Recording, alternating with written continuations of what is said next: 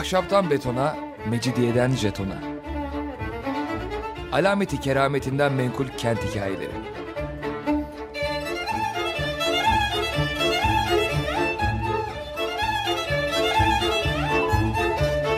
Hazırlayan ve sunan Pınar Erkan.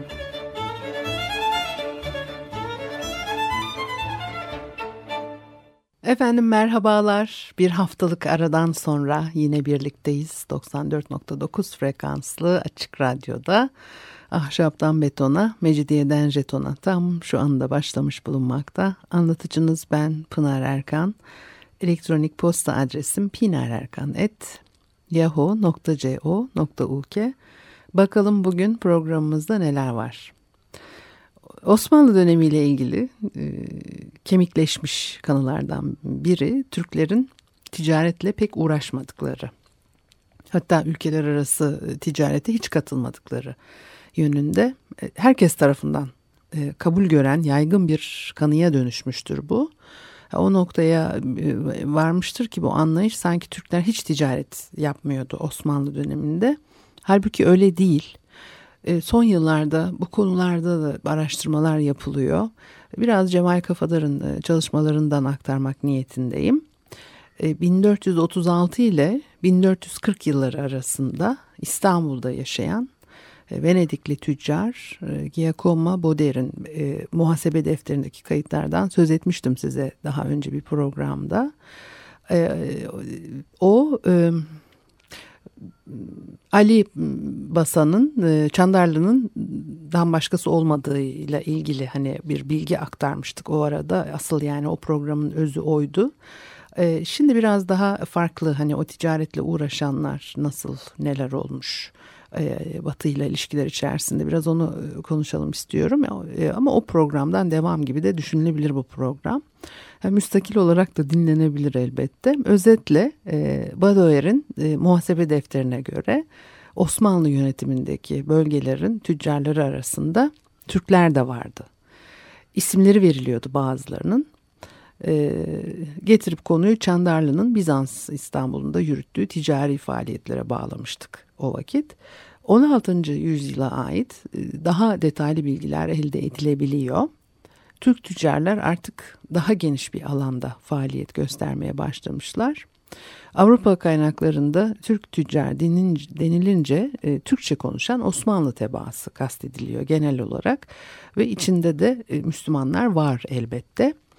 E, sadece Türk araştırmacılar değil yabancı araştırmacılar da e, Osmanlı Türklerinin kültürel özelliklerinin e, yakın doğunun ticari gelişimine çok katkıda bulunmadığını düşünüyorlar. İşte e, bir takım dini e, sebeplerden dolayı o e, ilişkilerin hani e, e, gelişmemesi e, söz konusu diye e, öyle değerlendiriliyor.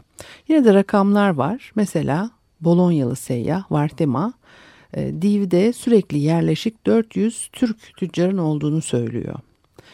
Doğu'da e, ve Asya'da ne olduğu ayrı bir konu. Avrupa'da da 16. E, yüzyılda deniz yolu giderek tehlikeli hale geliyor ve o zaman Balkanlar üzerinden kara ticaret yolları tercih ediliyor. Osmanlı yönetiminin burada sağladığı ortam da önemli. Avrupa'dan kovulan birçok Yahudi Rumeli şehirlerine yerleşti. Yeni bir ticaret ağı oluştu böylece. Ticaret ağlarının nasıl biçimlendiğini uzun uzun anlatacak değilim. Kabaca bir çerçeve yeter bize. 1499-1500'lerde e, Dubrovnikli tüccarlar Ancona üzerinden İtalya'ya Osmanlı ihraç ürünleri getiriyorlarmış. Olay bu. İpek, e, sof, halı, deri en dikkat çeken ürünler. 1479 ile 1551 yılları arasındaki noter anlaşmaları ve gümrük defterlerini incelemiş bir araştırmacı. Ancona'da doğudan ve batıdan gelen malların e, ticareti yapılıyor. Ayrıca e, bu yüz yüze gelen e, doğulu ve batılılar arasında mallar takas ediliyormuş, makas ediliyormuş diyecektim neredeyse. E, böylece 16. yüzyılın ilk yıllarından itibaren Osmanlı tüccarları Orta İtalya çevresinde gayet aktif. Şimdi bu tabi aslında ben hani belki E, bu çok heyecan verici geliyor bu bilgiler bana. Çünkü tabii bizim e, bütün bu konulardaki yaklaşımlarımızı e, gözden geçirmemizi hani gerektiren belki bugün bugünümüz o kadar etkilemeyebilir ama kafamızdaki algıyı, düşüncelerimizi etkilemesi gereken bilgiler bunlar.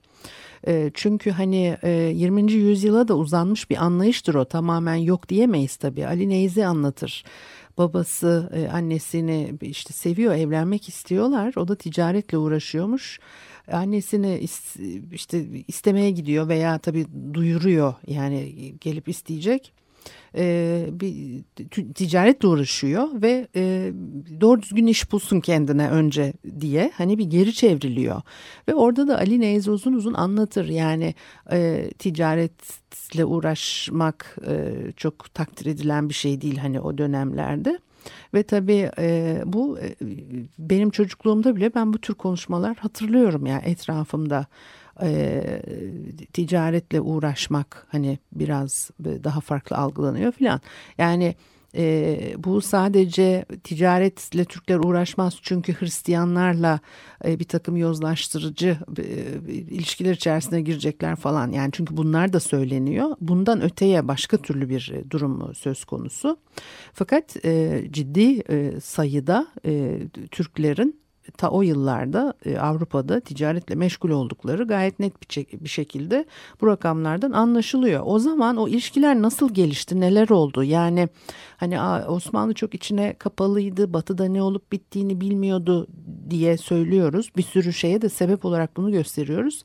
Ondan sonra da e, ülkede yaşayan e, gayrimüslimlerin ilerlemesi, gelişmesi batılaşma sürecindeki rolleriyle ilgili de işte onlar batıyla e, ilişkiler içerisindeydiler. Çünkü ticaret yapıyorlardı diyoruz. Hani bunu da böyle bir temel sebep olarak gösteriyoruz. E, Türkler de yapıyormuş. Yani e, tabii o zaman ne tür ilişkiler kuruluyordu? Sosyal ilişkiler nasıl gelişiyordu? Ve oradan aktarılan, yani oradan edinilen bilgiler, deneyimler nasıl aktarılıyordu? Veya işte aktarılamıyor muydu? E, nasıl olabilir ki o? Yani aktarmamak mümkün değil. Çünkü siz onu bir kere yaşamaya başladığınız zaman o hemen değiştirici, dönüştürücü bir etki yaratır farklı kültürlerle bir arada olmak. Onun için hani bu konular o sebeple beni e, heyecanlandırıyor ve bu e, biraz tabii kuru bilgi olacak belki şimdi bugün size aktardıklarım ama e, keşke biraz daha hani detaylı o e, bilgilere ulaşabilsek ve bu değerlendirmeleri daha net bir şekilde ortaya koyabilsek. Şimdi e, mesela Ankona gümrüğünde iş yapan Rum tüccarlar resmi bir indirim alıyorlar. Arkasından bir ay içerisinde Türk tüccarlar verdikleri bir dilekçeye cevaben 10 yıl süreyle aynı imtiyazlara sahip oluyorlar. Biri Hersekoğlu, diğeri Dukakinoğlu diye geçiyor. Ee, Mustafa Paşa, Dukakinoğlu Ahmet Paşa. Ee, 1518'de Avlonyalı Yahudi tüccar Abraham Trinç'te yani bir dilekçe veriyor ve bu sefer Ankona Şehir Meclisi Türkiye tabi bütün Levantlı tüccarların tırnak içinde ödediği e, gümrük vergilerini yeniden düzenliyor. Yani ayrı ayrı birkaç başvuru alınca Osmanlı tüccarlarının hepsini bağlayacak bir e, uygulama yapıyorlar. Türkiye tabi dediği o. Müslüman tüccarlar da bu ticari faaliyetin bir parçası. Hatta 1522 senesine gelindiğinde Ankonalı yetkililer Türk ve diğer Müslüman tüccarlara özel konaklama ve depo yerleri sağlamaya mecbur kalıyorlar. Ancona şehri İtalya'nın Adriyatik kıyısında. E, onun biraz aşağısına yine başka bir şehir daha var. Orada da her yıl e, fuar yapıyorlarmış. Küçük bir liman şehri. 1520'lerde çok sayıda Osmanlı tüccarını kendine çekerek Ancona'yı ciddi bir rekabetle karşı karşıya bırakmış. 1526 senesinin ilk baharında Ancona şehri hakimleri Sultan Süleyman'a bir mektup yazıyorlar. Bu küçük e, kentin Osmanlı tüccarları için haydutlara karşı yeterli koruma, doğru dürüst bir liman sağlayamayacağını bildiriyorlar. Yani bunu tabii e, Ancona'yı kurtarmak için aşağıdaki da küçük limanda e, alışveriş ticaret ilerleyince Ancona boşalıyor. Bunu istemedikleri için gönderdikleri bir mektup bu Süleyman'a. Orada koruyamazlar tüccarları buraya gelin tabii demeye getiriyorlar aslında. Ve Sultan Süleyman da ne yapmış bunun üzerine dersiniz? Rumeli kıyı şeridindeki yerel görevlilere bir yasaklama emri veriyor. tebaası e, Ancona'nın aşağısında kalan o küçük kente fuarı ziyaret etmeyecek. Kaptanlar bu şehre gitmeyecek. E, bu emrin İtalyanca çevirisi var belgelerde fakat orijinali yok ortada. Floransa'da üretilen e, yün, yünlü kumaşların Levant'a doğrudan ihracı da 1520'lerde durmuş. Kumaşçılar Levant için üretimi sürdürüyorlar. Fakat ürünlerini kendileri gidip Osmanlı topraklarında satmak yerine Ancona ve Floransa'ya gelen Osmanlı ve Dubrovnikli tüccarlara satıyorlar oldukları yerde. Niye böyle yaptıklarını da tam bilen yok. O dönem 1. Selim devri Osmanlı-İran savaşları oluyor. Savaş yüzünden Bursa ipek ticareti sekteye uğramış. Bursa'dan ipek alamayacaksak niye gidelim şimdi kalkıp o kadar yolu tepip Osmanlı topraklarına diye düşünülüyor, düşünüyorlardı diyen araştırmacılar var. Ancona 16. yüzyılda gayet revaçta bir ticaret merkezi. 1533'te e, buradan geçen bir Venedikli diplomatın ifadesine göre her milletten çoğunlukla da Rum ve Türk tüccarlarla dolu güzel bir şehirmiş burası. Ancona'daki Osmanlı ticaret e, faaliyetleri Londra ve Antwerp gibi şehirlerde bile yankı buluyor. Dubrovnik gümrük gelirleri Osmanlı-Venedik savaşları sırasında artış gösteriyor haliyle. Osmanlı tüccarları gitmeyince Ancona pazarı sıkıntı yaşamış. İngilizler de kersey dedikleri bir tür yünlü kumaş satıyorlarmış Türklere. Savaş sırasında buralara gitmeyince Osmanlı tüccarları Ancona şubesini kapatmak zorunda kalmış Antwerpli e, Pieter van der Molen ve biraderleri şirketin adı bu. Ertesi yıl barış söylentileri çıkınca Türklerin Ancona'ya yine gelmeye başlayacakları düşüncesiyle İngilizler mallarına zam yapmışlar. 16. yüzyılın ortalarından başlayarak Ancona gözden düşmeye başlıyor. E, Maranyolar meselesi etkilidir bunda denir. Yahudi tüccarlar boykot etmiş Ancona'yı bu sebeple. Livorno şehri ticaret için tercih edilir olmuş ama Türkler burada Ancona'da olduğu ölçüde etkin değillermiş galiba. Şehir dışında Türk, Ermeni, Rum mezarlıkları var. Yine de demek ki mezarlık kuracak kadar faalmiş bu abiler burada. Ancona'nın düşüş sebebinin Medici yönetiminin ağır fiskalizmine bağlandığını da okuyoruz. Yani maksimum gelir, minimum gider sağlayacak şekilde bir e, ekonomi politikası izlenmiş. Ayrıca 1560'larda Vatikan siyasetiyle Osmanlı arasında giderek artan bir gerilim yaşanıyor. E, ticaret bundan etkilenecek haliyle. Osmanlı, Müslüman ve e, Yahudi tüccarlarının Osmanlı ile Ancona arasında ezelden beri devam eden e, soft ticaretini kesintiye uğrattıkları için e, Venediklileri azarlayan bir ferman varmış. Aradan bir yıl geçince artık ne olduysa bu sefer fermanda Dubrovnik ve Venedik'ten başka yere bezirgen varmaya emir yoktur diyor. Ee, Ancona'ya gitmeyeceksiniz demek istiyor. Bir müzik arası verelim ondan sonra devam edelim.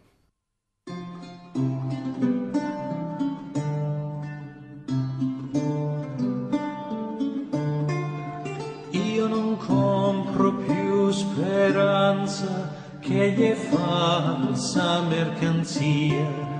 Io non compro più speranza che è falsa mercanzia. A dar tendo via quella poca che m'avanza. Io non compro più speranza che è falsa mercanzia, che è falsa mercanzia.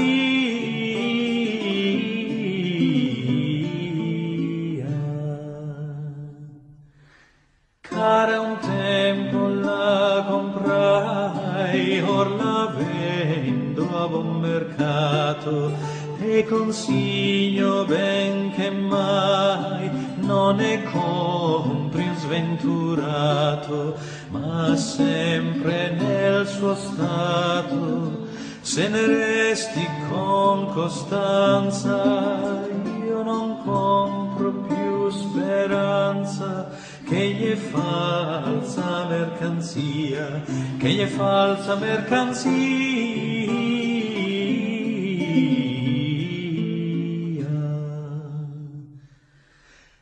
Il sperare come il sogno che per più riesci nulla, e sperar proprio il bisogno di chi al vento si trastulla, e sperar sovente annulla chi continua la sua danza.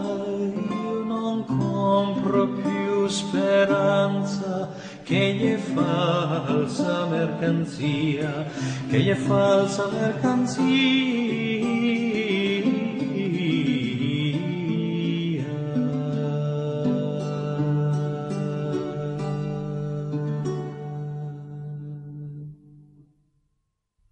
Açık Radyo'da Ahşaptan Betona, Mecidiyeden Jeton'a devam ediyor. Haliyle Pınar Erkan'ı dinlemektesiniz. E, Venedik'te Osmanlı e, tüccarlarının yaptığı e, ticaret, faaliyetler ve e, işte bunların içerisinde e, ne kadar Türk vardı, e, nasıl gelişti olaylar biraz onunla ilgili e, konuşuyoruz. Şimdi e, biraz Ankona gözden düştü dedik. E, 1570'lerde bu sefer gayet net biçimde artıyor ticaret. 1452 senesinde bir Venedik kaynağında Türk tüccarların Venedik'teki işlerine bakan simsardan söz ediliyor. Çok daha erken tarihlerde mesela 1514'te Türk tüccarların hanlarda olduğu kadar profesyonel hanımların evlerinde de ikamet ettikleri söyleniyor. 1546'ya gelindiğinde Osmanlı tüccarları Serenissima'yı gayet iyi biliyor belli ki. E, Venedik'te ticaret yaparken veya yolculukları sırasında uğradıkları kayıpları sık sık sultana şikayet ediyorlar. Bu tarihlerden başlayarak işlerin hızlandığını ve karıştığını görüyoruz. Bir kere Rüstem Paşa önce bir mektup yazarak e, tüccarların güvenliğinin sağlanmasını istiyor. Venedik'e yazıyor tabii ki bu mektubu. Aynı yıl Cafer Çavuş'u Venedik'e yolluyorlar sorunları çözsün diye. E, böyle uzun uzun karışık hikayeler ama sonuç olarak baktığımızda çözüyor 1560'lardan sonra Venedik'le ticaret yine artıyor. 1567'de Osmanlı tüccarları Adriyatik'te mallarıyla birlikte esir alınmış. Beraberlerinde 11 balya sof ve çeşitli mal götüren Edirneli iki Müslüman Hasan ve Hüseyin ile adı verilmeyen Yahudi tüccarlar e, kim olduklarını bilemediğimiz epeyce e, mallarıyla Üsküplü beş tüccar 200 bin akçe değerinde malıyla e, Bursalı Sevi Çelebi 35 bin parça deri yükü ve Serezli bir tüccar da var aralarında. O Serezli tüccarın da beş kölesi varmış yanında. Bu tüccarlar e, Venedik'e ulaşamamışlar. Fakat Rialto'da ticaretle uğraşan çok sayıda tüccar varmış. Çünkü papalık elçisi Venedik'teki Türk kalabalığının Cizvitlere misyonerlik için önemli bir potansiyel sağladığı sonucuna varmış. Ne acayip şeyler oluyormuş o vakitler e, ticaret yapmak için yollara düşen tüccarlara. E, Gabela kadısı bu olaydan bir yıl sonra Usko korsanlarının Venedik'ten dönmekte olan 25 Müslüman tüccara saldırdığına e, tanık olmuş. Yani demek ki bu tüccarlar korsanlar bize saldırdı diye kadıya başvurmuşlar. Bundan o anlaşılıyor. Tüccarlar Venedik'e gidiyorlar, e, mal alıyorlar, satıyorlar neyse ve 6 milyon akçe değerinde mal edinmiş olarak geri dönüyorlar. Ee, sağ salim Far Adası'na varmışlar. Geri dönüyorlar dedim ama daha dönemediler. Yoldalar yani. Ee, Neretba Körfezi'ne kadar kendilerine eşlik etsin diye bir Venedik kalyonundan para karşılığı koruma istiyorlar. Kalyonun kaptanı gizlice işbirliği yapmış Uskok korsanlarıyla. İşe bak sen. Hem Müslüman tüccarların sayısı ne kadar çok hem de yanlarında ne kadar çok sermaye taşıyorlarmış. 1570 senesinde savaş çıkıyor savaş koşullarında hem Venedik'teki Osmanlılar hem de Osmanlı topraklarındaki Venedikliler karşılıklı olarak tutuklanabiliyorlar. malları müsaade e, müsaade ediliyor veya edilebiliyor. İhtimal var yani böyle bir risk var daha doğrusu. Ve Sokollu Mehmet Paşa e, Venedik'e karşılıklı tüccar mal mübadelesi önerisinde bulunuyor. Bunları araştırıp yazan İtalyan bir araştırmacı belgeleri bir Yahudi tüccara ait. En azından şimdi sözünü edeceğim belge öyle. Venedik yöneticileri Venedik'teki Osmanlı tüccarları hapse atıp mallarına el koyuyor. Bir Osmanlı Yahudisi tüccar onların arasından ne yapmış etmiş İstanbul'a kaçmayı başarmış ve bir mektup yazıyor. O yazdığı mektuptan öğreniyoruz ki 75 Müslüman ve 97 Yahudi Venedik makamları tarafından tutuklanmış. İşte onların arasından da bu abi kaçmayı becermiş İstanbul'a gelmiş bilgi veriyor. Karşılaştırma yapmak bile mümkün diğer ülkelerin tüccarlarıyla. Mesela Venedik'teki Flaman tüccarların 1596 tarihli bir dilekçesinde 21 imza var. Yani demek ki 21 Flaman tüccar var. E, Flaman tüccar sayısına e, tabii işaret ediyor bu rakam. Floransalılarınki 17, Cenevizlerinkinde 9 isim imza atmış. Yani fikir vermesi açısından Osmanlı tüccarları çokmuş gerçekten bu rakamlarla kıyaslandığı zaman. 1571 yılının Mayıs ayına gelindiğinde bu tüccarlar Sokolu Mehmet Paşa'nın girişim tehditleri sayesinde Rialto'da yeniden e, faaliyetlerine başlıyorlar. Tam o sırada İnebahtı haberi geliyor. O bir kayıptır biliyorsunuz. Venedik'teki Türk cemaati perişan oluyor. Rialto'dan kaçanlar Sokolu'nun dostu Venedik'in İstanbul'daki balyozu Barbaro'nun evine sığınıyorlar. O günlere tanık bir Venediklinin ifadesiyle gençler tarafından taşlanmaktan korktukları için kapıyı üzerlerine kilitlemişler. Ee, Türkler. Sonra e, 1573'te barış sağlanıyor.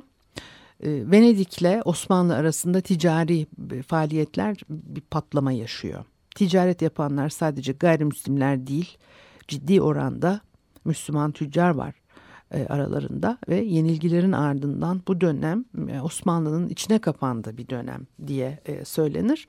Fakat e, bu bilgilerden anlaşılıyor ki yani e, Osmanlı Müslüman kültürü pek de iddia edildiği gibi içine kapanmamış. E, çünkü Müslümanların özellikle e, dış ticaretle uğraşmamasının işte sebeplerinden biri olarak yabancıların yozlaştırıcı etkisine maruz kalmak istememeleri hani gösteriliyor. Oysa 1573'ten 1645'te e, Girit Savaşı'nın başlamasına kadar geçen sürede Osmanlı tebaası Müslümanların yaptığı dış ticaret adeta zirve yapmış. 1570'lerin ilk yıllarından itibaren Venedikli yetkililer Müslüman tüccarlar için Venedik'te kalacak yer ve e, depo ayarlamaya çalışıyor. 1621'e kadar sürmüş bu sorun. Ee, Türklerin şehirde çok yayılmasını istemeyenler var. Gezmesinler her yerde belli bir yerde olsunlar. Şehre yayılırlarsa e, hırsızlık yapmalarına, oğlanları baştan çıkarmalarına, Hristiyan kadınlarla gezmelerine nasıl mani olacağız diye kaygılı biri. E, o nedenle e, tabii bir belgede geçiyor bunlar. O nedenle hepsinin birlikte kalacağı bir yer bulmak istiyorlar. Fakat tüm tüccar, e, Türk tüccarları barındıracak kadar büyük ve geniş bir binaları yok. Öyle bir yer ayarlayamıyorlar. 1594'te bir yasa çıkarılmış. Venedikliler işinde gücünde olan Türk tüccarları hakaret eder veya saldırırlarsa hapis veya işte başka şekilde cezalandırılacaklar. Sonra o arada bir bina buluyorlar ama o binayı da sığdıramıyorlar bütün Türkleri. E, tüccarların hepsinin e, buraya yerleştirilemediğini anlatan belgeler var. O yakın çevredeki özel mülklerde ve hanlarda e, kalmayı sürdürmüşler. Şimdi bu hikayelerin de e, devamı var ama hani anlamlı olacak şekilde programımızın da sonuna geldik. Burada bitirelim. E, tabii bu, bu, e, e, mimarlık bunun neresinde? E, bir sosyal altyapı, e, başka türlü bir işte e, toplumsal bilgi de içeriyor ve bunları ben çok önemsiyorum. Başka bir programda belki devam ederiz yine. Haftaya görüşene kadar hoşçakalınız.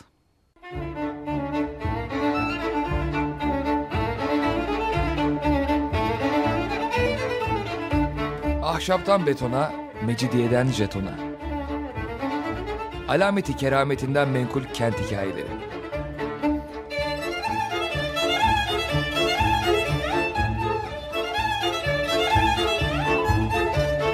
Hazırlayan ve sunan Pınar Erkan.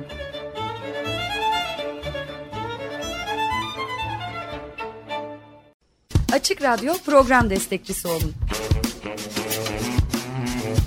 Bir veya daha fazla programa destek olmak için 212 alan koduyla 343 41 41